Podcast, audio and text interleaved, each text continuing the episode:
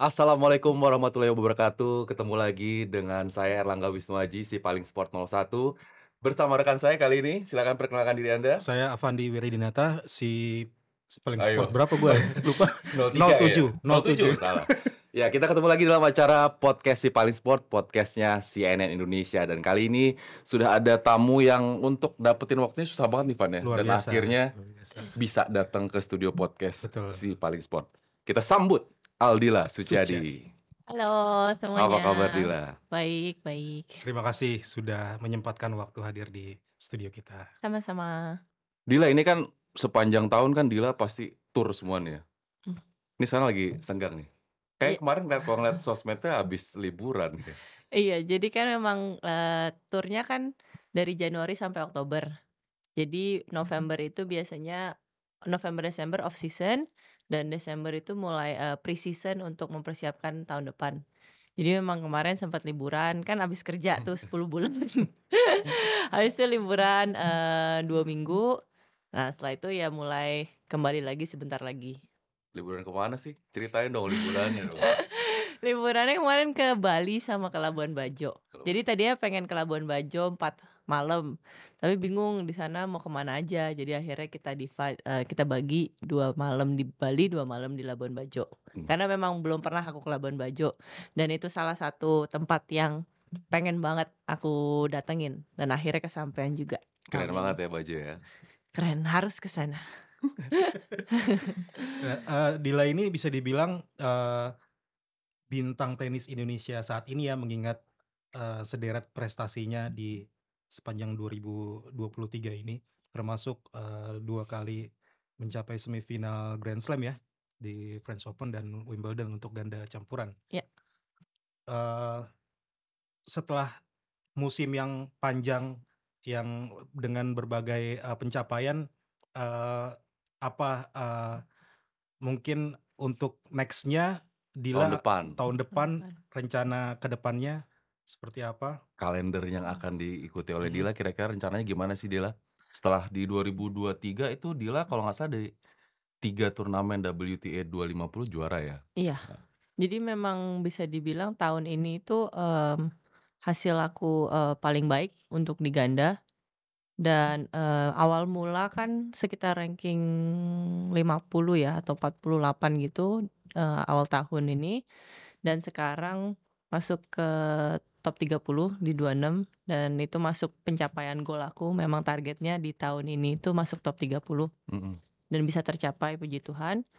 Dan ya em, untuk tahun depan eh, aku sih eh, mem- apa menginginkan untuk masuk ke top 20 atau top 15 untuk berikutnya. Karena memang kalau udah masuk top 50 itu untuk nembus ke top 30 susah tapi Hmm. untuk nembus lagi ke top 20 ke top 15 itu lebih lagi. susah lagi karena kan poin yang harus didapat tuh harus lebih banyak karena gap uh, between uh, pemainnya dari rank aku yang 26 ke 1 itu apa gede daripada kalau misalnya kayak dari yang 100 ke 50 itu nggak terlalu besar gapnya. Ya makin susah lah stage-nya. Mm-mm, Raja jadi- terakhir nih kalau peringkat-peringkat 10 besar ya Dila ya. Iya, jadi kayak kalau buat masuk ke top 20 tuh harus juara yang turnamen gede kayak 500, WTA 1000 ataupun Grand Slam. Nah, itu Hmm. kalau Grand Slam chance untuk masuk ke top 10 itu ada. Hmm. Tapi pertanyaannya gini Dila, kalau ngelihat dari uh, prestasinya nyontek dulu nih. Prestasi Dila ini kan ya kalau dari 2022 nih pertama kali bawa uh, tembus ke peringkat uh, 100 besar dunia. Ini kan sama Astra Shalma. Mm-mm. Pertama gak gelar juara WTA dua setengah. Kemudian sekarang seringnya sama Miyukato kan dari. Jepang. Tapi pernah pasangan juga sama Erin Rutleaf. Mm-mm. Bener ya? Iya. Terus ada juga pernah pasangan sama Teresa Mihalikova. Pernah juga sama Yana Sizikova. Iya. Sebenarnya kalau di tenis itu milih partnernya tuh gimana sih kalau di badminton kan ya kita lebih familiar dengan badminton ya. Hmm. Itu kan pasangan udah tetap gitu. Mm-mm. Nah, kalau tenis kenapa gonta-ganti sih? Itu apa sih caranya milih itu Dila gimana? Sebenarnya cara milih sih ngeli eh, pokoknya ya aku ceritain dulu yang gimana aku bisa partner sama si Miu. Ya. Nah. Itu pun aku pasangan pertama kali sama dia itu lewat sosial media. Serius? Iya, lewat Instagram. Jadi aku tanya, eh, kan aku cari-cari pasangan. Em, itu pun juga cari pasangannya juga lewat sosial media kayak Facebook atau Instagram. Jadi Emang nanya nyari sendiri gitu Emang ya? nyari sendiri, Oke, iya. terus? Karena kan, mmm, kita kan nggak di tempat nggak di satu tempat yang sama. Hmm. Jadi kan nggak tahu dia di mana. Nah, caranya ya chat atau message gitu. Jadi Hmm. nanya, "Mau nggak partneran di sini?" Kalau dia bilang, "Oh, udah punya partner," ya udah cari yang lain. Lah tapi pertama kali dari sekian banyak petenis Dila, Hmm. eee, milih si Miyu Katonya itu gimana? Apakah pernah lihat sebelumnya, pernah Oh. interaksi sebelumnya? Kan cocok-cocokan kan, iya nggak sih? Iya. Kenapa Miyu Kato gitu? Kenapa Heeh. Miyu Kato? Nah. Awalnya itu jadi kan pas yang bulan April itu aku yang juara di Bogota sama Astra Sharma kan. Mhm. Setelah juara itu aku tembus top 100 ke Iya, 80-an. 86. Nah, dari situ itu bulan April. Sedangkan, eee, French Open itu akhir Mei. Hmm. Nah, itu kan, eee, jaraknya udah kayak sebentar banget. Jadi udah aku nggak tahu kan awalnya aku bisa masuk ke French Open atau enggak. Eh, pas juara tembus ke 80-an. Wah, ada chance nih kalau Hmm. aku bisa dapat partner yang top 50 gitu atau enggak top 70. Aku cari Hmm. dari yang paling tinggi rankingnya yang aku tahu lah. Yang aku bisa kontak. Dari situ aku coba, oh, mmm, banyakan udah pada punya partner semua karena kan Oh. memang jadwalnya buat daftar itu udah mepet. Hmm. Nah, terus aku lihat-lihat, eh, ada namanya Miyu Kato. Hmm. Aku aku nggak nggak kenal banget sama dia, cuman aku tahu lah, oh ini Miyu Kato. Dulu kan pernah lawan di Asian Games Hmm. yang tunggal. Terus Asian aku Games lihat 2018 ya? Iya. Hmm. Terus aku tahu dia pemain double yang bagus. Terus ya udah iseng-iseng nanya, iseng-iseng nanya. Terus eh dia belum punya pasangan. Terus aku tanya, eee, "Mau coba nggak daftar bareng?" Dia bilang, "Oh, oke boleh. Kita daftar aja." Nggak tahu kan bisa masuk atau enggak. Itu pas aku lagi di Vietnam yang SEA Games di Vietnam itu, eee, deadline-nya itu kalau nggak salah 2 hari terakhir sebelum SEA eee, sebelum kelar. Terus aku daftar, eh kita masuk di, eee, urutan terakhir kedua. Akhirnya, oh ya udah, akhirnya aku dari Vietnam itu langsung Hmm. terbang ke, eee, Paris buat main sama si Miyu. Pertama kali kita main itu kemis eee, permainan kita udah langsung ngeklik. Hmm. Jadi dari situ kelihatan kayak, oh ini kayaknya lumayan cocok. Akhirnya ya udah dari situ mulai main beberapa kali di tahun lalu kan. Mmm, aku masih main sama dia kan di Grand Slam yang French Open, US Open, sama Wimbledon. Hmm. Jadi kita memang pertama kali mulai awal itu dari ya peringkat 80-an bareng itu. Sampai saat ini kita aku di 26, dia di 27. Oh. Tapi Iya, kalau iya. begitu berarti latihannya gimana tuh? Apakah secara beda-beda negaranya beda gitu kan? Kan nggak Iya. bareng-bareng terus gitu. Kalau misalnya lagi-lagi nih gue compare-nya sama badminton gitu ya. iya. Kalau pemain ganda di badminton kan latihan bareng gitu biar chemistry-nya dapat. Nah, kalau tenis sih dengan Dila satunya di Jepang, satu di Indonesia Hmm. dengan kalendernya masing-masing itu latihannya gimana? Kita sih Apa biasa langsung sampai lapangan main gitu Iya. aja? Kita Hah? Bisa latihannya gitu ya? begitu, mhm. Jadi karena kita udah tahu permainan masing-masing, jadi kalau kita mau bertanding itu kan kita biasanya 2, 3 hari, eee, Sebelumnya. sebelumnya sampai di turnamen eee, di di negaranya. Mhm. Itu ya kita paling latihan kayak mukul, eee, 2 hari terus, eee, latihan main poin, cari pasangan lain yang mau main poin, udah gitu aja. Oh gitu ya? Iya, jadi nggak perlu latihan bareng yang setiap hari harus eee, latihan bareng terus gitu, enggak. Berarti beda ya sama badminton beda. ya? Iya, iya.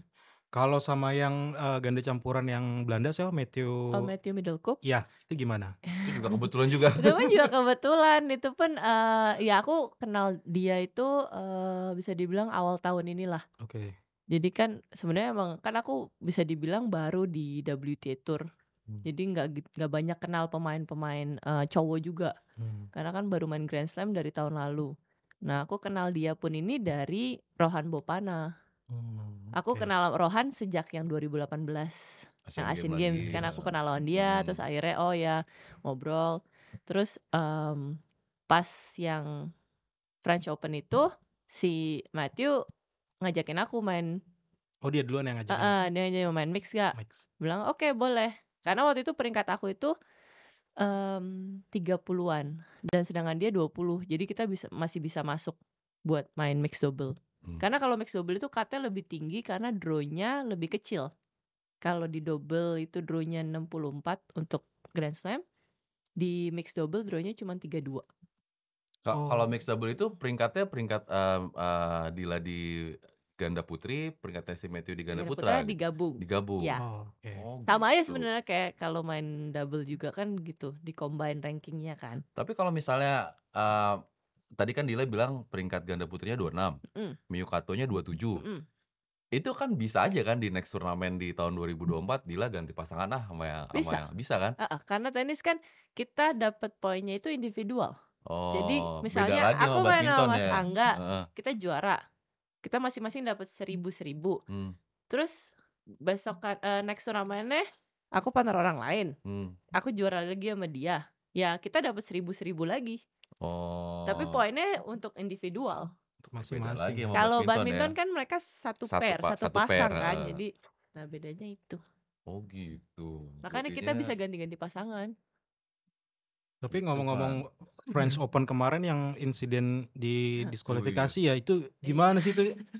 Sebenarnya Itu kita itu di sini Gemes nonton gemes ya? juga ya nontonnya ya. Iya, itu apa ya? Kayak mmm, very unlucky incident lah. Maksudnya kayak semuanya itu soalnya kan si Miyu sebenarnya kan cuman kayak ngasih bola. Mhm. Ya nggak Tapi kenceng nggak nggak juga kan? kenceng. Heeh. Tapi ya pas kenanya itu nggak sengaja di lehernya. Terus ball kita cewek. Mungkin dia kurang berpengalaman, terus kayak rada shock gitu sama takut mungkin takut dimarahin, nggak bisa ngambil bolanya. Terus penontonnya kan waktu itu lagi lumayan banyak karena itu kan court yang lumayan agak besar. Mmm. Banyak penonton, mungkin juga rada shock, takut. Jadi ball kita sampai nangis. Itu kan kata eee, lawannya dia ngotot ke ininya Nah, kan itu juga karena lawannya juga yang kayak Provokasi. rada Provokasi. provokasi. Kayak sebenarnya kita udah pas si Miyu mukul eee, ball kitnya nggak ada yang lihat kan sama sekali. Iya. Pemain lawan kita pun nggak lihat, wasitnya pun nggak lihat. Yang lihat cuman Miyu sama aku. Terus aku ngeliat emang Miyu nggak yang kayak mukul kenceng gitu nggak, dia cuman baling bola cuman emang kan mungkin karena panjang jadi kan dia mukulnya agak agak Mmm. kencengan dikit gitu loh biar supaya sampai di ball kitnya. Eh pas sampai sana ball kita lagi nggak ngelihat. Nggak ngelihat si Miyu ngasih bola.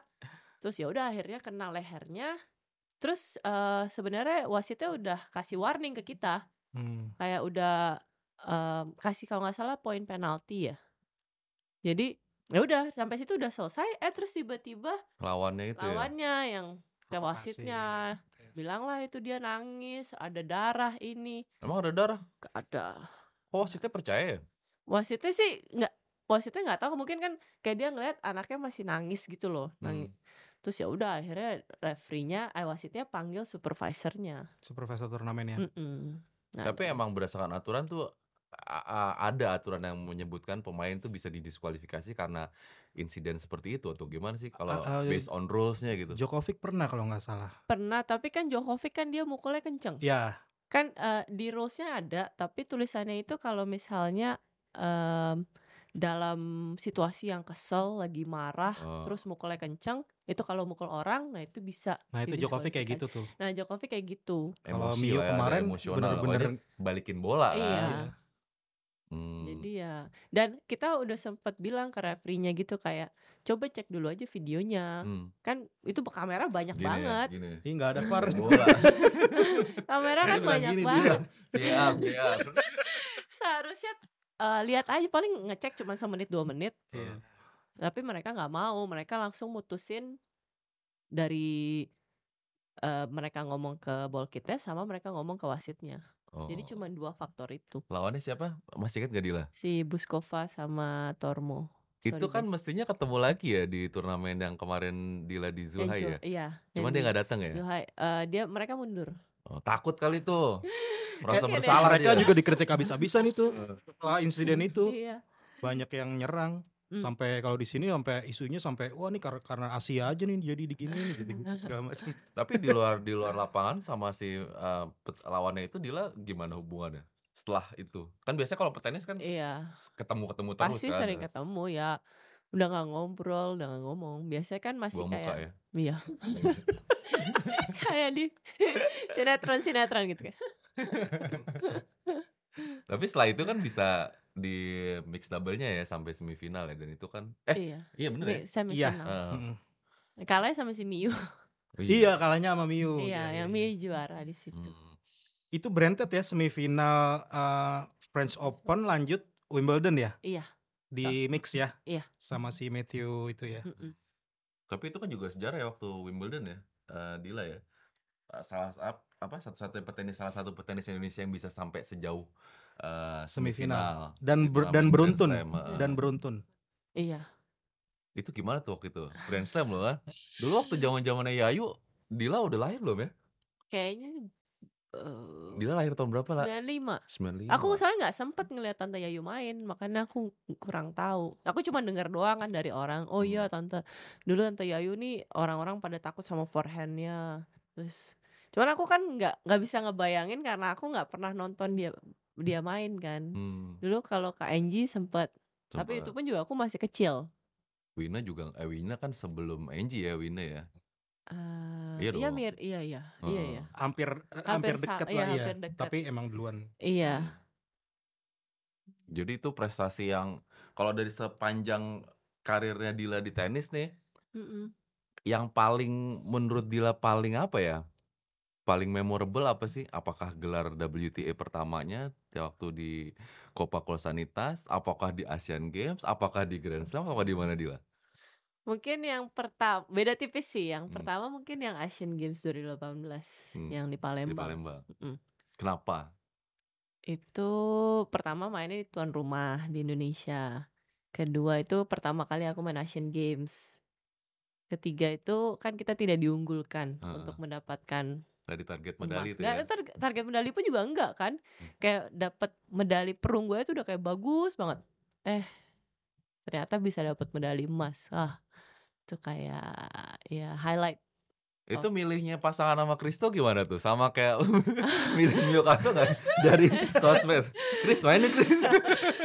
Apa enggak. udah di- dipasangin dari PLT-nya lo lo sama ini. Iya udah dipasangin dari Hmm. peltinya dan kayaknya kan eh, waktu kan aku kan kayak masih muda lah Hmm. maksudnya.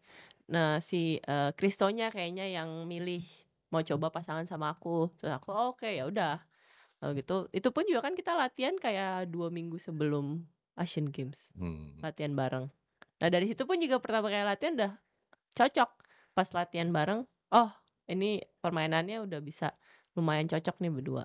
Ya Hmm. udah dari situ aja. Oh jadi tenis tuh kalau sama main double itu apa ya adjustmentnya penyesuaiannya nggak lama ya? Enggak. Dan kan kalau sekarang ini kan karena kita sering eh, nonton dan juga sering lawan, jadi kan udah tahu masing-masing pemain tuh tipe permainannya gimana. Hmm. Kira-kira kalau misalnya kita pasangan nama ini cocok gak?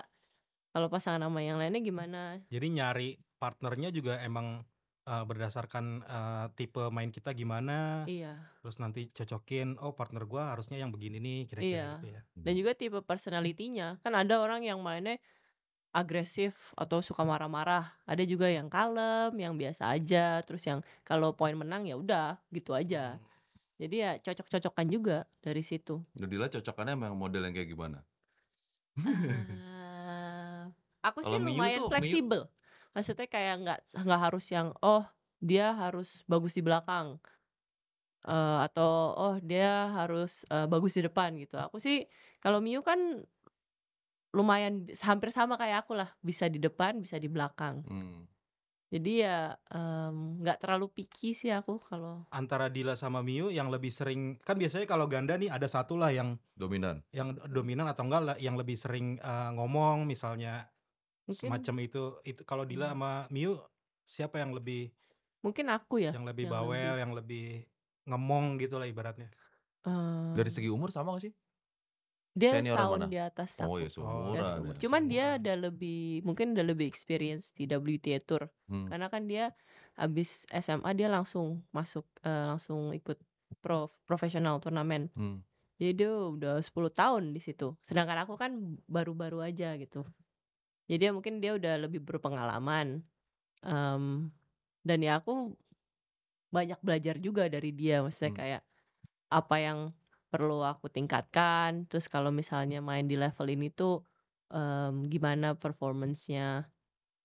Tapi ya kalau misalnya bawel-bawelan sih tergantung sih ya. Karena sebenarnya juga rada susah sih. Soalnya kan Miu itu em, Inggrisnya terbatas. Oh, oke. Jadi Iya, nggak iya. bisa yang kayak ngobrol yang terlalu serius. Karena bahasa Inggrisnya juga aku ngobrol sama dia pun masih pakai yang basic aja gitu. Masa sih petenis sudah keliling dunia bahasa Inggrisnya terbatas? Iya, ada kan yang begitu. Ke kebanyakan sih udah oke semua. Heeh.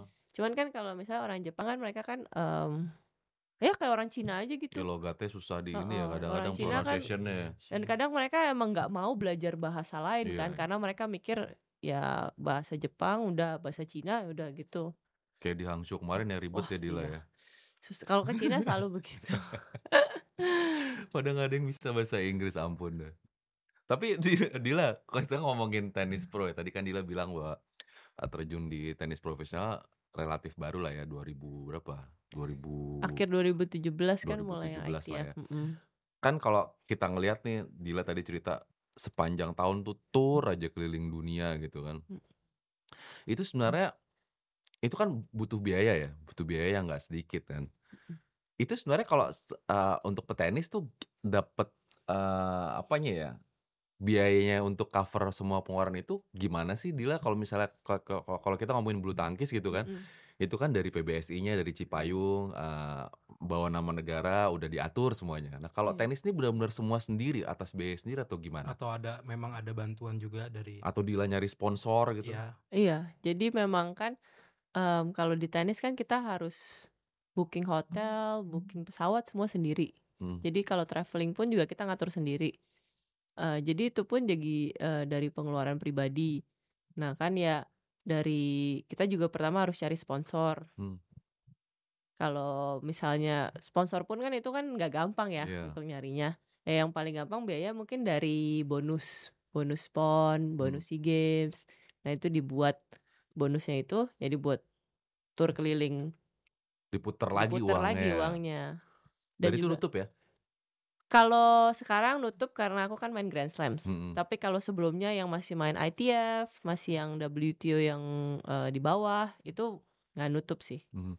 Sebenarnya pertanyaan saya tuh lebih kayak gini sih Dila, uh, mikir gitu. Ini kan kalau kita ngomongin petenis kita nih ya, Hmm. uh, yang selama ini kayak uh, mentas ke tingkat dunia tuh rata-rata kan cewek ya. cewek Mm-mm. Mbak Yayu Basuki, Winda Prakusa, eh, Angelique Wijaya, kemudian Dila gitu.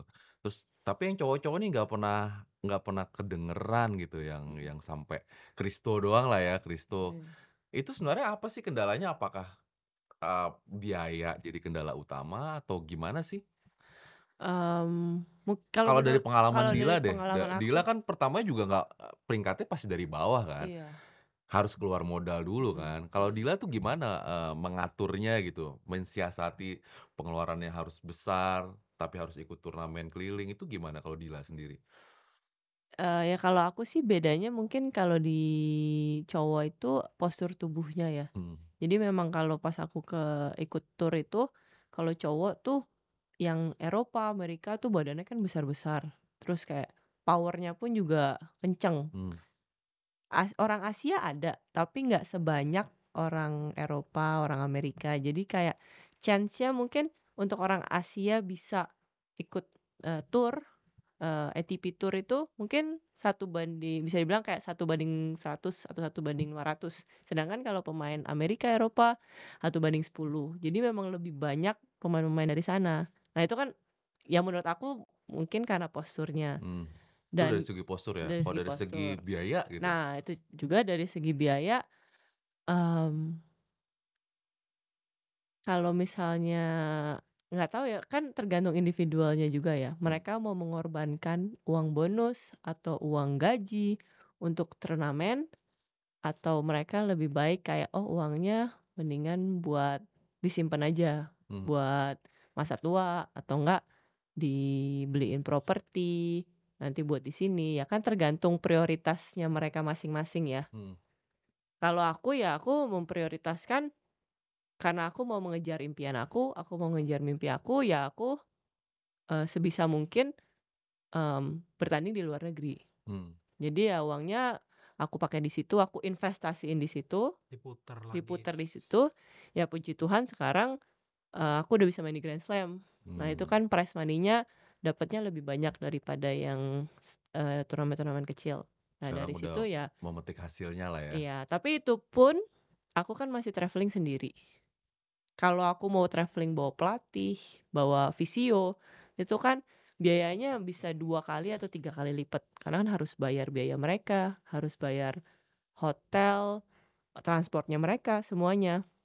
Jadi ya untuk sekarang ya aku masih tetap harus mencari sponsor karena aku pengen bawa pelatih untuk traveling sama aku. Hmm. Sedangkan untuk sekarang pun hasil turnamennya belum bisa, eh eh, prize money-nya belum bisa untuk membiayain semua itu. Lah terus sekarang berarti Dila itu kalau kayak gini pelatihnya jadi gimana? Aku Sama pelatih kan, tet- tetap sama pelatih kan? aku ada pelatih. Cuman kalau lagi tanding di luar negeri gitu, eh, aku cuman latihan sama pelatih itu. Tapi aku nggak nggak traveling sama dia.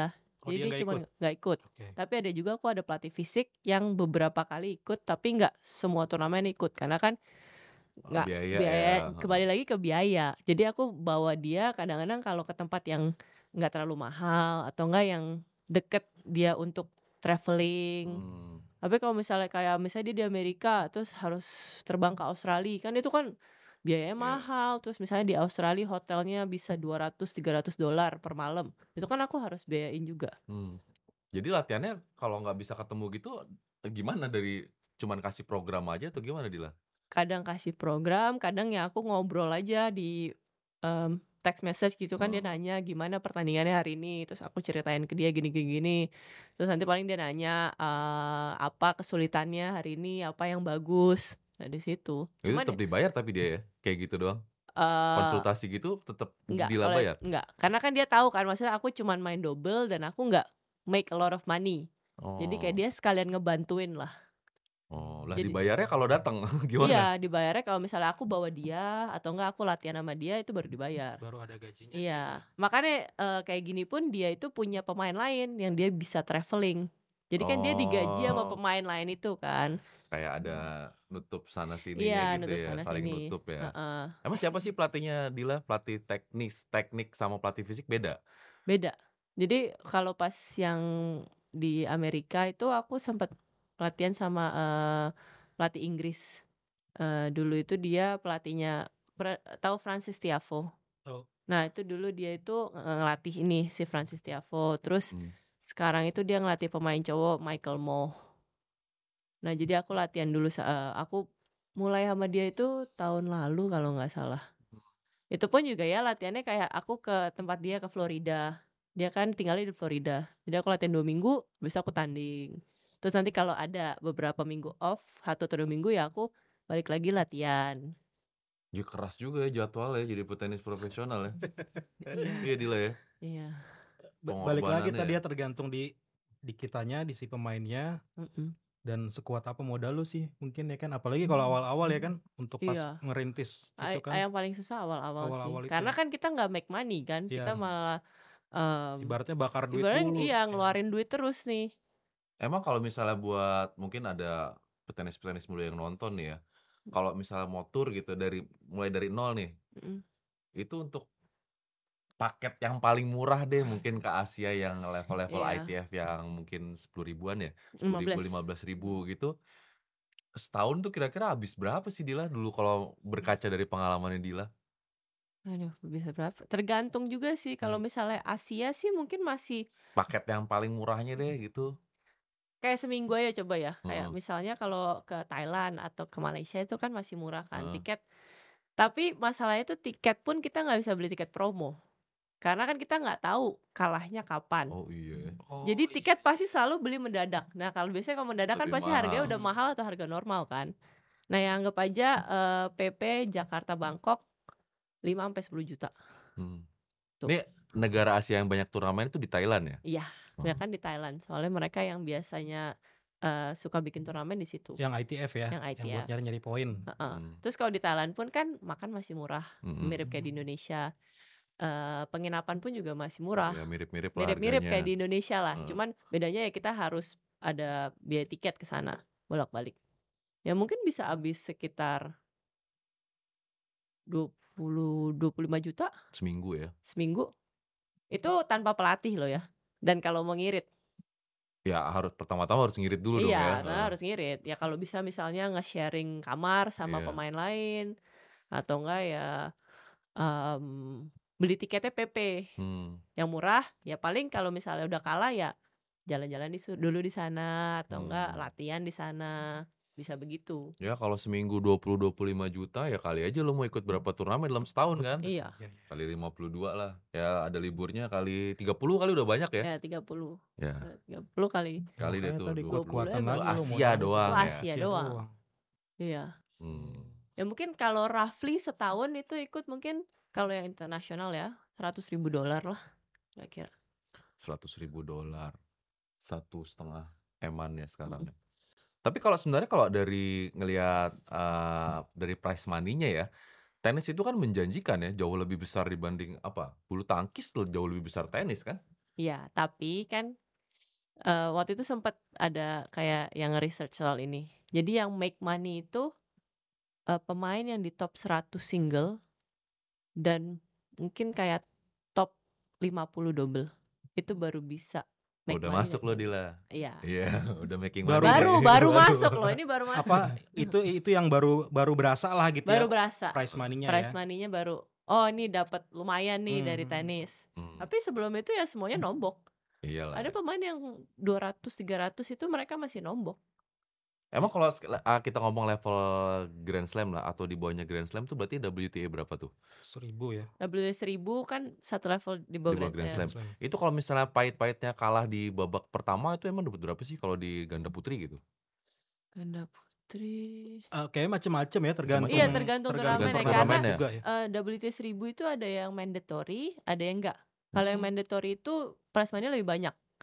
Kalau yang biasa enggak. Jadi Mmm. kayak mungkin kalau yang biasa eh kalau yang Tapi iya yang biasa tapi poinnya adalah lu kalau misalnya udah bisa qualified masuk ke main draw-nya, heeh. kalah pun lu dapat uang kan di situ Iya. kan? Semua profesional, eee, turnamen Mmm. dapat uang. Dari yang ITF 15.000 pun dapat. Tapi kayak Tapi ITF kecil ya? 15.000 kecil kayak paling kalau ganda doang menang eh kalau kalah babak pertama paling cuma dapat $20. Hah? $20? Iya. 20? 20. 20. Iya. $20. Tunggal Iya itu itu kan kalau ITF kalah Iya tapi itu iya. ITF. Iya. Kalau yang WTA 1000 itu sekitar $3.000. Oh. Tapi ya udah dibandingin tunggal beda jauh. Oh iya. Tunggal bisa dapat puluhan. Nah itu kalau Dila sendiri kan, Dila berarti, eee, label-nya udah pemain pro kan? Segala macam urusan duit itu Dila ada manajernya sendiri atau siapa yang ngurusin kayak gitu-gitu kan nggak mungkin dong Dila Ngurusin ngurusin tiket sendiri, hotel sendiri. Sendiri. Sendiri. Semua sendiri. Iya. Traveling sendiri juga? Traveling sendiri. Kayak ini contohnya kemarin aja pas Asian Games. Kan sebelum Asian Games aku main di Meksiko Guadalajara. Hmm. Heeh. Itu aku kelar main itu jam setengah 11 malam. Itu 15 menit setelah bertanding itu lagi cooling down itu aku sambil nyari tiket buat ke Cina, ke Hangzhou. Itu 15 menit setelah tanding aku udah punya tiket.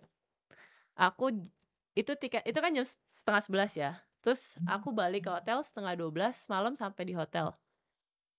Jam 2.30 pagi itu aku udah harus ke airport karena aku ngejar pesawat jam 5 pagi Tidurnya kapan Dila? di pesawat. itu itu itu sangat tidak direkomendasikan. karena bener-bener capek banget. Sampai di Cina pun juga aku masih capek.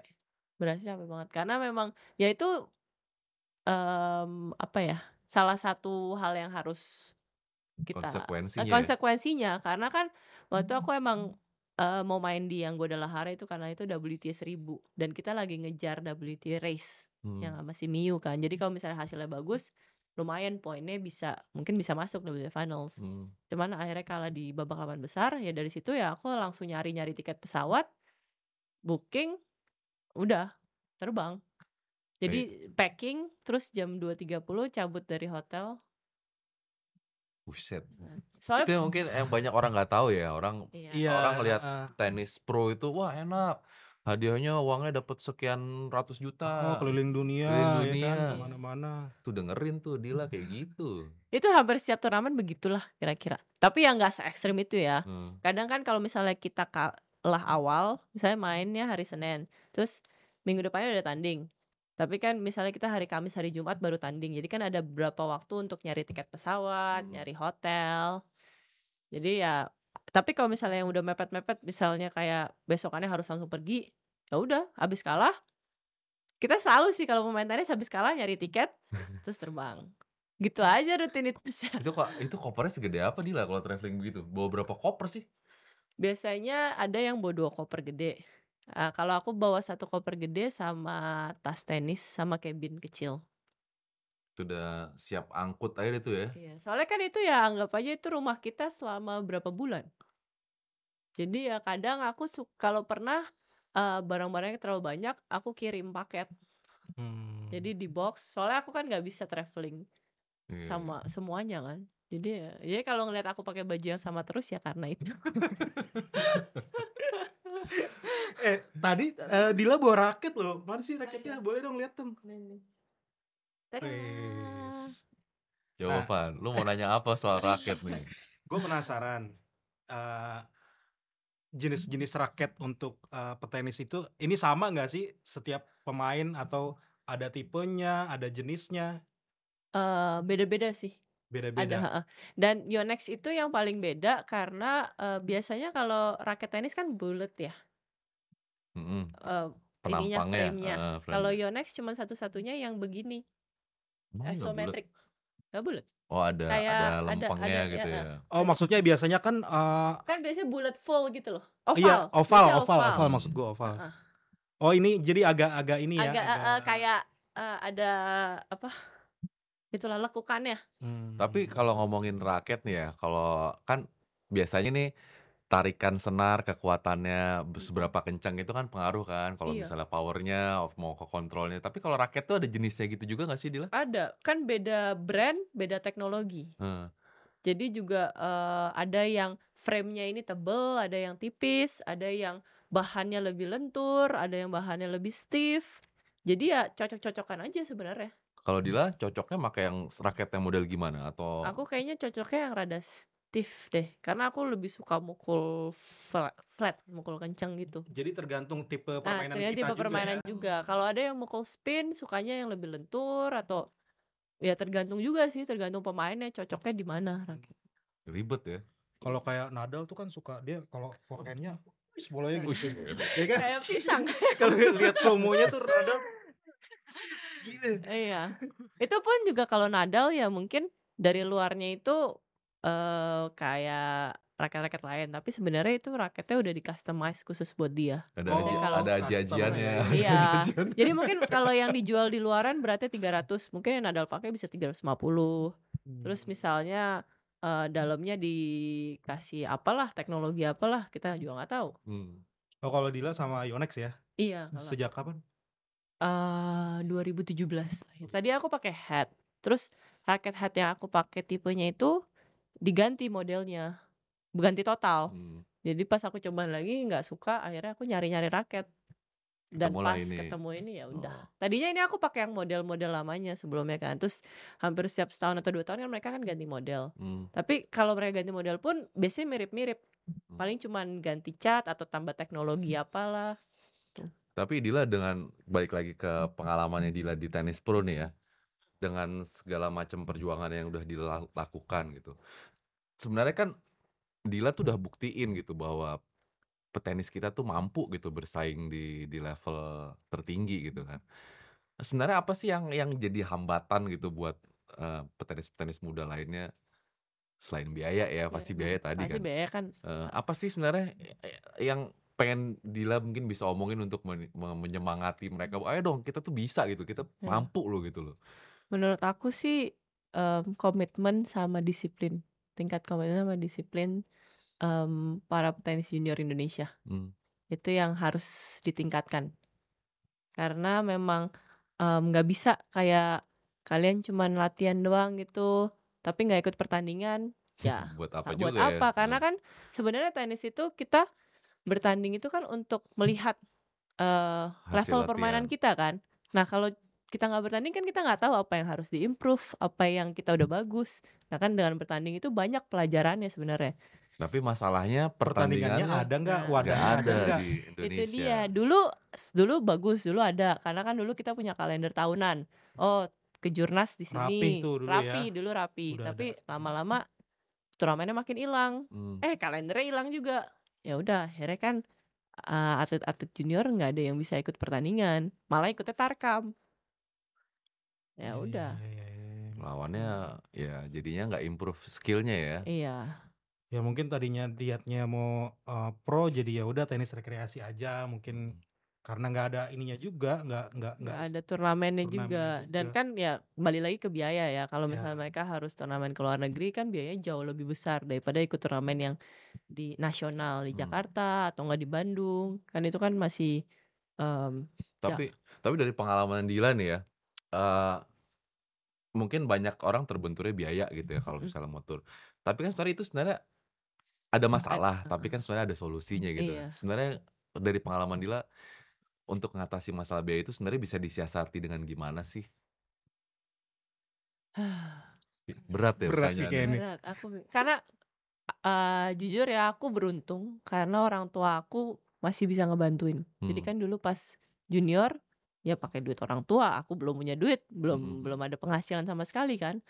Ya udah orang tua yang ngebantuin, ya itu pun juga pengorbanan dari orang tua Hmm. dibutuhkan. Apakah orang tuanya mau melihat anaknya sukses atau enggak? Ya pasti mau lah, maksudnya mereka mau berkorban nggak untuk anaknya supaya bisa bertanding, bisa berlatih gitu, ya kembali lagi ya ke orang tuanya.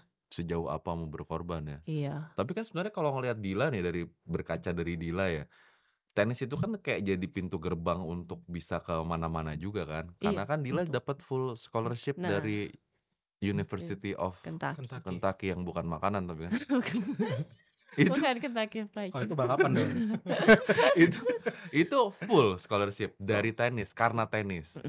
Nah itu, eee, itu aku waktu pas sekitar tahun kedua SMA itu, nah kan aku kan udah ikut pertandingan ITF junior ya. Hmm. Nah itu aku, eee, dapat beberapa tawaran dari universitas di Amerika, karena mereka melihat, eee, peringkat internasional junior aku, oh masuk top 100 nih, Hmm. pemain bagus. Mmm, ya akhirnya dari itu aku dapat message, terus, mmm, dapat email. Ya da eee, dari situ aku coba kayak aku nggak bisa bales semuanya kan, karena waktu itu aku kurang tahu lah, maksudnya aku nggak tahu mau ke Amerika atau mau lanjutin profesional. Jadi akhirnya ada, eee, salah satu alumni, eee, pemain tenis juga dari University of Kentucky Hmm. yang Orang Indonesia? orang Indonesia, eee, Siapa? Kak Edo Bawono. Oh nggak tahu. Dulu itu dia, eee, main di Kentucky. Itu juga dapat scholarship. Eee, nah dia ngenalin aku ke pelatihnya yang di Universitas Kentucky, karena itu, eee, best friend-nya dia. Nah Hmm. dari situ aku kontak-kontakan, terus, eee, aku sempat visit juga ke kampusnya. Jadi pas saat itu aku visit ke 2 kampus, eee, Kentucky sama Washington. Nah Itu it dua-duanya nawarin full scholarship? Heeh. Tapi sebenarnya juga masih banyak yang lain yang kayak Auburn, LSU, ada kali kayak 20-an universitas gitu. Tinggal pilih tuh ya? Tinggal pilih. Nah tapi kan kita nggak bisa asal pilih karena kan di sana kan ada yang divisi 1, divisi Hmm. 2 tergantung levelnya dan juga conference-nya itu universitasnya bagus-bagus nggak. Hmm. Ada yang mungkin divisi 1 tapi conference-nya nggak bagus. Nah aku emang sengaja nyari yang kompetisinya itu levelnya yang tinggi. Karena kan aku kan ini jenjang kayak aku bilang jenjang transisi dari junior ke profesional. Pro. Hmm. Iya. Jadi pas ya itu Kentucky ternyata divisi 1 dan conference-nya pun juga bagus. Jadi akhirnya aku milih ke Kentucky untuk kuliah sambil main tenis. Hmm. Tapi berarti kampus-kampus ini yang tadi Dila bilang ada mungkin sekitar 20 yang mereka memang nyari berarti ya, Iya. talent-talent di seluruh dunia ya? Iya. Jadi kalau dasarnya lu dari junior udah jago pasti lo kepantau, intinya gitu sih sebenarnya. Ya, dan Iya sebenarnya nggak harus dan nggak harus jago banget juga karena banyak universitas kecil Mhm. Di sana yang nyari pemain juga Untuk bertanding untuk membawa bertanding. nama Iya, membawa Bawa nama kampusnya? Heeh, karena Kayak kan sorry tadi kan ta tadi bilang ada, mmm, Edo Bawono. Heeh. Itu kan sebenarnya kalau di di dunia tenis nasional juga namanya nggak terlalu Iya, terdengar ya? di di Indonesia nggak yang pemain yang Heeh. itu banget, cuman cukup bagus. Tapi ya Dan bisa dapat dan bisa scholarship ya? dapat scholarship. Iya, karena kan memang, eee, demand pemain untuk di universitas Amerika itu banyak. Oh. Gitu. Jadi mereka kalau yang universitas kecil, yang maksudnya nggak besar, mereka, eee, mungkin kesulitan untuk nyari pemain lokalnya, pemain dari Amerika. Nah dari situ mereka nyoba nyari pemain dari luar negeri. Karena banyak juga pemain-pemain luar negeri yang main di universitas di Amerika. Oh, asal lu punya peringkat junior, Iya. internasional junior. Heeh. Oh, Soalnya ada gitu. temen aku juga eh, yang maksudnya tenisnya ya eh, nggak yang bagus banget, biasa, tapi dia pengen kuliah di Amerika. Nah itu dia sampai eh, tes TOEFL, tes SAT sendiri, bikin video. Jadi Oh kayak iya dia iya, nggak heeh. approach universitasnya, Kayak Hmm. nge-apply gitu nggak ya. apply, heeh. dan akhirnya dia dapat full scholarship juga. Tapi kalau Dila kasusnya Kalau aku mereka kasusnya yang mereka yang nawarin. Oh. Iya. Jagoan berarti. Jagoan. Tapi memang banyak eh, petenis-petenis top dunia yang eh, tinggalnya di sana walaupun ketika eh, benderanya bendera kayak Naomi Osaka dia dia bela Jepang misalnya tapi Mm-mm. emang tinggalnya tinggal udah di sana dari Iya. dari kecil. Banyak sih yang Banyak kan? em, Karena kompetisi di sana rame gitu Iya, banyak yang punya kebanyakan sih mereka punya rumah atau apartemen gitu di Florida. Florida Karena yang kan banyak ya. eh ya di, bisa dibilang Florida itu eh tempat tenisnya Amerika lah. Karena kan cuacanya bagus. Kalau nggak kalau nggak Florida itu di California. Kalau Florida kan eh, winter aja masih anget, masih nggak terlalu dingin banget. Makanya orang-orang banyak yang em, tinggal di sana. Terus banyak juga tenis akademi di sana. Ya. Latihannya Hmm. gampang. IMG kan di sana. Hmm.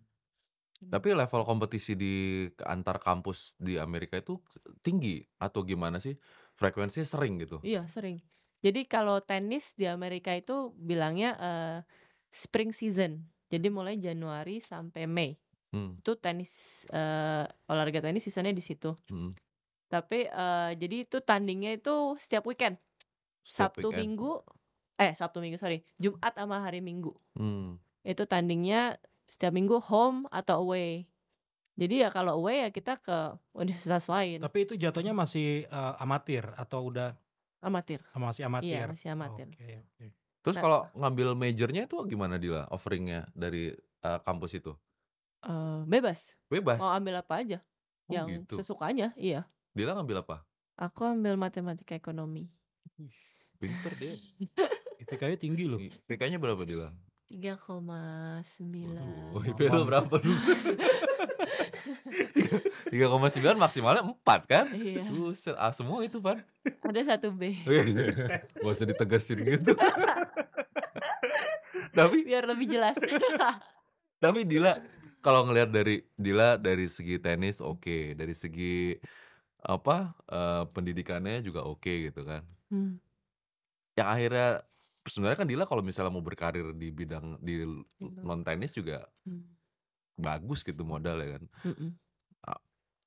Apa sih yang membuat Dila milih tenis Ya. gitu?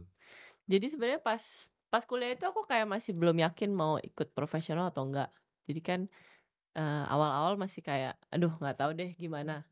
Jadi jalanin dulu aja dua-duanya. Hmm. Terus pas tahun ketiga itu eh, prestasi di tenis aku lumayan. Kayak hasil-hasilnya bagus, terus permainan aku meningkat. Nah, dari situ aku kayak pelatihnya pun juga ngedorong aku terus kayak nanti setelah lulus ini lo harus coba main profesional. Aku awalnya kan kayak iya iyain aja lah, maksudnya kayak iya iya. Tapi makin lama kayak oh tahun terakhir meningkat lagi nih. Terus aku kayak mikir oh mungkin eh, boleh nih dicoba kayak beberapa tahun lah. Eh, gimana sih apa eh, bisa sukses nggak di profesional tenis kan? Dan aku juga waktu itu kan pas balik dari Amerika itu kan langsung masuk timnas. Hmm. Jadi memang udah ada tempatnya juga kan. Saya udah em, dan ya dari situ aja mulai dari nol lagi. Hmm. Nah. Dari situ yakin ya dengan hasil-hasil yang sudah dicapai. Iya, Ya kan kayaknya berasa juga kalau lu misalnya di satu bidang tertentu wah kayaknya lumayan nih gue nih. Terus deh gitu. Atau, Iya, Duitnya "Ah, juga gua lumayan. Gini doang nih jadi. Tapi iya. dengan tadi Dila cerita jadwal yang sebegitu padat gitu ya. Mm-mm. Pastilah pernah jenuh kan atau nggak gila hidup gue gini amat ya. belum sih. Belum. Belum. Kita aja denger gitu. Capek banget. Tapi mau pasti ada dong rasa jenuh gitu dari turna dari hidup nomaden gitu kan dari turnamen ke turnamen jauh dari orang tua jauh dari Belum. tapi mungkin belum tapi mungkin Belum, berarti jawabnya belum, Enggak, Pan. gini menurut gue mungkin justru nggak bosen Iya. karena eh lu lu cobain kan Enggak, maksud gua gini, gila gila gini. lu karena lu pindah-pindah lo lo tempatnya pindah-pindah lo ke sana kemari Iya Justru kalau ada yang ngurusin enak kan ini Dila ngurus- ngurusin sendiri semua kan? Iya. ya berarti dia menikmati apa Enjoy yang ya? dia lakukan. Aku malah nggak suka kalau misal aku kan seumur hidup belum pernah kerja di belakang meja gitu lah. Jadi kayak tapi kayak nggak kayaknya nggak suka kayak mesti kerja kantoran gitu yang duduk seharian Oh iyalah. office hour gitu kayaknya aku nggak cocok Saya juga nggak cocok. Ini dia cocok. jadi kayak untuk sampai sekarang sih ya masih enjoy aja sih karena aku per- emang enjoy suka traveling Oh, tapi dari dari rutinitas tour gitu Hmm. pasti ada bosennya dong. Biasa ngapain sih? Oh. Pernah kan pasti Oh, jenuh oh, ngisi waktu mulu. ininya ya.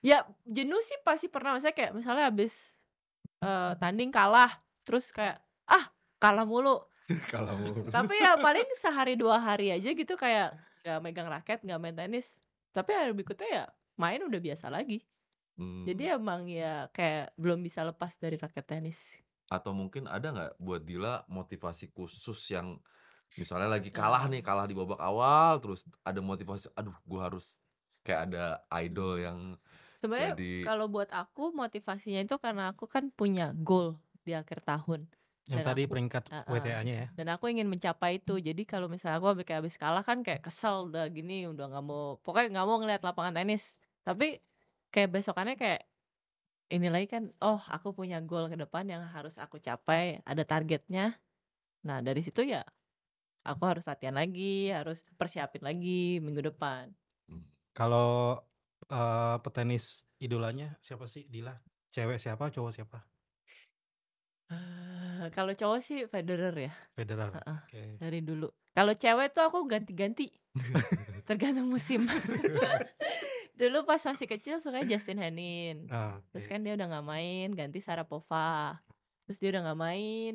em, siapa lagi ya? Dulu sempat suka em, Iga. Sekarang Iga. Iga Swiatek. Hmm, Iga Swiatek. kalau yang lokal ada nggak jadi idola Yang lokal, eh aku soalnya kan aku nggak nggak pernah nggak sempet nonton mereka. Eh, Jadi dia aku jarang di sini. tahu. Ya kan waktu SMA di Jakarta ya kan Iya, tapi kan aku kan nggak nonton gitu loh. Kayak Tante Yayu aku tahu, tapi kan aku nggak pernah nonton Tante Yayu tanding. Hmm. nggak tahu permainannya gimana. Cuman aku tahu oh Tante Yayu tuh lihat di YouTube dia iya. iya sih seharusnya ya. Cuman kayak soalnya dulu tuh aku nggak demen banget nonton tenis. Lah? Aku nggak demen nonton tenis. Lah terus kecemplung ke tenis? tapi main tenis Main tenis, cuman aku Tapi nggak nggak suka suka nonton aja. tenis? Enggak. Nah itu aneh lagi iya. ya. Oh, main aja gitu ya. Main aja. Jadi aku nggak terlalu demen nonton tenis gitu. Awal main dari bokap, Heeh, keluarga keluarga. ya bokap dari kakek main tenis terus eh papi hobi main tenis terus sampai kakakku juga yang pertama main tenis jadi satu keluarga bisa main tenis tapi yang Oh. jadi aku Dila doang ya yang ke pro Dila aja. yang gitu ke pro aku dulu kakak sempet eh juniornya sempat main eh, bagus juga masuk eh, timnas Hmm. tapi habis itu dia eh, kuliah ke Amerika dapat scholarship juga Tapi Dari tenis juga. dari tenis juga Mm. tapi setelah itu udah eh, setelah kuliah berhenti terus em, kerja Kerja kantoran. oh Dila nggak mau tuh ya Gak mau dia. tapi dengan dengan eh, apa ya kepadatan schedule Dila nih yang di Indonesia mungkin cuman setahun berapa berapa minggu main di Indonesia Dila dua bulanan Dua lah, dua bulanan bulan. kan? tiga bulan lah tiga maksimum bulan ya Mm-mm. itu kehidupan sosialnya Dila di luar lapangan tenis gimana tuh Dila menyeimbangkannya eh gimana ya ya kayak mungkin kayak temen mungkin temen terbatas banget kali ya. iya ya reuninya reuni tahunan kayak baru Tahunan. bisa ketemu kan November Hmm. ya dari situ ketemuan tapi juga kan aku ada temen yang selama di tour kan ya mungkin aku lebih sering ketemu mereka daripada ketemu temen aku yang di Jakarta Iya sama petenis juga dong sama berarti. petenis juga iya circle-nya itu-itu aja ya Iya, circle-nya kebanyakan sih ya temennya teman-teman petenis kecuali ya yang di Jakarta mungkin ada temen SMA, teman SD, tapi itu pun jarang ketemu sama mereka. pengorbanannya ya Dila mau nggak mau ya Iya, mau nggak mau ya begitu.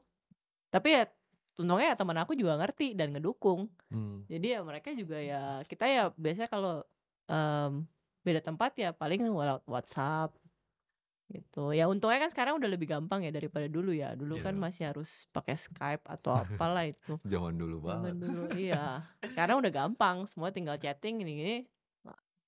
Eh, tadi eh, 2023 target eh, top 30 ya. Ya. Tahun depan maunya ke Top 15. 15. 15 ya. Itu eh, perlu menangin berapa turnamen tuh kira-kira? Tergantung turnamennya apa. Kalau misalnya turnamen gede Grand Slam gitu mungkin satu kali Satu kali bisa ya. Cukup Atau dan- WTA 1000 yang Heeh, atau WTA 1000 dan 500. dan 500. Tapi ya hasilnya ya harus konsisten aja. Kayak- Itu itu kalau nentuin turnamen apa, misalnya ini Dila tahun depan sama Miyukato terus nih. Belum tahu. Kemungkinan. Oh, kemungkinan Lagi ya? nyari-nyari, lagi lihat-lihat cek Dan, ombak. dan Miyukato juga mungkin gitu ya. Eh iya, Lihat gitu ya. Jadi sama-sama. iya. Tapi kan ada beberapa kayak eh, pemain yang ngajakin main double buat tahun depan, tapi kan aku masih Oh, ada Ya, tuh dari ada. sekarang ada-ada ya. ada. Mungkin masih nyaman sama Miu gitu ya. Iya, aku Terus kan ada harus BT-BTan gak ya kalau di tenis? Miu, gue main sama dia. Oh, lu nggak ada ya? mungkin ada ya nggak tahu ya. Baper lu main tenis baper. Nggak, tapi kalau misalnya sama Miu gitu, nentuin eh ya kita ikut turnamen ini, ini, ini, itu rembukan berdua atau gimana sih? Iya. Nah, kayak mungkin kalau dulu kalau yang tahun ini kan kayaknya kita mainnya tuh hampir kayak hampir semua turnamen kita ikutin kan. Hmm. Tapi kayak tahun depan aku akan lebih selektif lagi dan mungkin eh, banyaknya ya main yang turnamen yang tinggi yang Grand Slam, WTA 1500. Nah, ya dari situ ya eh, soalnya kalau tenis kan misalnya hasilnya udah bagus kita nggak perlu ikutin turnamen lebih banyak kan. Oh iya, Tapi karena kalau poinnya udah misalnya lumayan gitu ya. poinnya lumayan. Tapi kalau hasilnya kurang bagus ya kita masih harus terus coba lagi. Hmm. Kalau dari rangkaian turnamen yang diikutin dari rencanain bentrok gitu sama PON atau sama SEA Game gitu, Nah, milih mana Dila? Tergantung ya kayak kayak kemarin mau ikut yang di WTA 500 Tokyo itu Hmm. barengan sama Asian Games. Jadi ya ikut Asian Games. Tapi kalau misalnya barengan sama Grand Slam ya aku kayaknya sih Grand Slam lah ya. ya, ya. tergantung turnamennya bentrokannya sama turnamen apa. Hmm. Kalau turnamennya nggak terlalu penting atau level eh, di rendah, ya aku milih ya main SEA Games atau Asian Games. Karena suka atau nggak suka eh apa ajang multi event kayak PON, SEA Games gitu, Mm-mm. jadi ajang untuk Dila sebagai petenis pro cari modal ya, Iya, modal untuk tour. iya. Jadi kalau ada dunia. nanya kenapa masih main pon, ya ya bonusnya itu ya buat tour lagi. Hmm. Ya. Karena sebenarnya kalau lihat dari levelnya, kalau level PON ya ya udahlah nggak ada Iya, lawan lah ya. Iya. Ayo lu mau nanya apa lagi nih? Kan udah Tadi sejam loh kita udah ngobrol. hampir sejam ya. Tenis idola udah, target musim depan udah. eh soal raket udah. Di absen. Tapi emang Dila ini kan eh, narasumber yang udah kita lama tunggu ya. Ini Udah, berapa lama loh kita asli Dila kapan Indonesia? kesampean. Kapan balik? Dila udah punya pacar belum sih Dila? Belum. Gara-gara keluar negeri mulu sih. Susah gimana mau punya pacar? Di Jangan curhat, jangan curhat. Curhat sekarang. ya mungkin ujung-ujungnya circle-circle tenis-tenis lagi mungkin Iya. ya. Atau gitu. mungkin bisa niru caranya Mbak Yayu kan? Kan dia udah bawa pelatihnya setelah Ah, menikah sama Mas suaminya, Heri iya. suaminya. Ya lagi dicari. Maunya juga begitu. Jadi kan lebih murah ya. Sebenarnya gue punya cerita lucu sama Dila mau ketemu sama usah Jangan, jangan, jangan. Oh sangga nih. Itu sudah masa lalu. Masa lalu ya. Masa lalu biarkan Biarlah masa berlalu. Iya. betul. Iya. Udah kalau nggak ada lagi kita tutup. Oke. Iya, mudah-mudahan tadi cerita perjuangannya Dila gimana sepak terjangnya Dila bisa menginspirasi ya petenis-petenis muda kita bahwa emang kalau untuk menuju petenis profesional jalannya nggak mudah. Ada harga yang harus dibayar, ada pengorbanan yang harus dibayar, Dan ada komitmen yang harus ada di Iya, komitmen, komitmen. ada konsistensi. Iya. Itu Betul. yang harus Kita- digarisbawahi. kita doakan mudah-mudahan musim depan Dila tetap di tetap bisa mempertahankan performanya atau lebih baik dari Hmm. 2023 mungkin ya. Amin. Dan Semoga. muncul Aldila-Aldila lain Itu penting. Iya. Itu penting. Regenerasi. di Karena- tengah kekisruhan di tubuh Pelti. Ada apa ini? Oke Dila, terima kasih waktunya Baik, ya sudah menyempatkan diri datang di podcast si Si paling, Paling sport, Sport. sebagai si paling tenis. Siapa? Gue tutup dulu ya Van ya. Oke. Oke tadi eh, obrolan kita dengan Aldila Suciadi, petenis putri andalan Indonesia yang prestasinya sudah mendunia. Sampai jumpa lagi di edisi podcast si paling sport mendatang. Saya Erlangga Wisnuaji undur diri. Saya Avandi si paling sport 07. Oke, assalamualaikum warahmatullahi wabarakatuh. Sampai jumpa di episode berikutnya.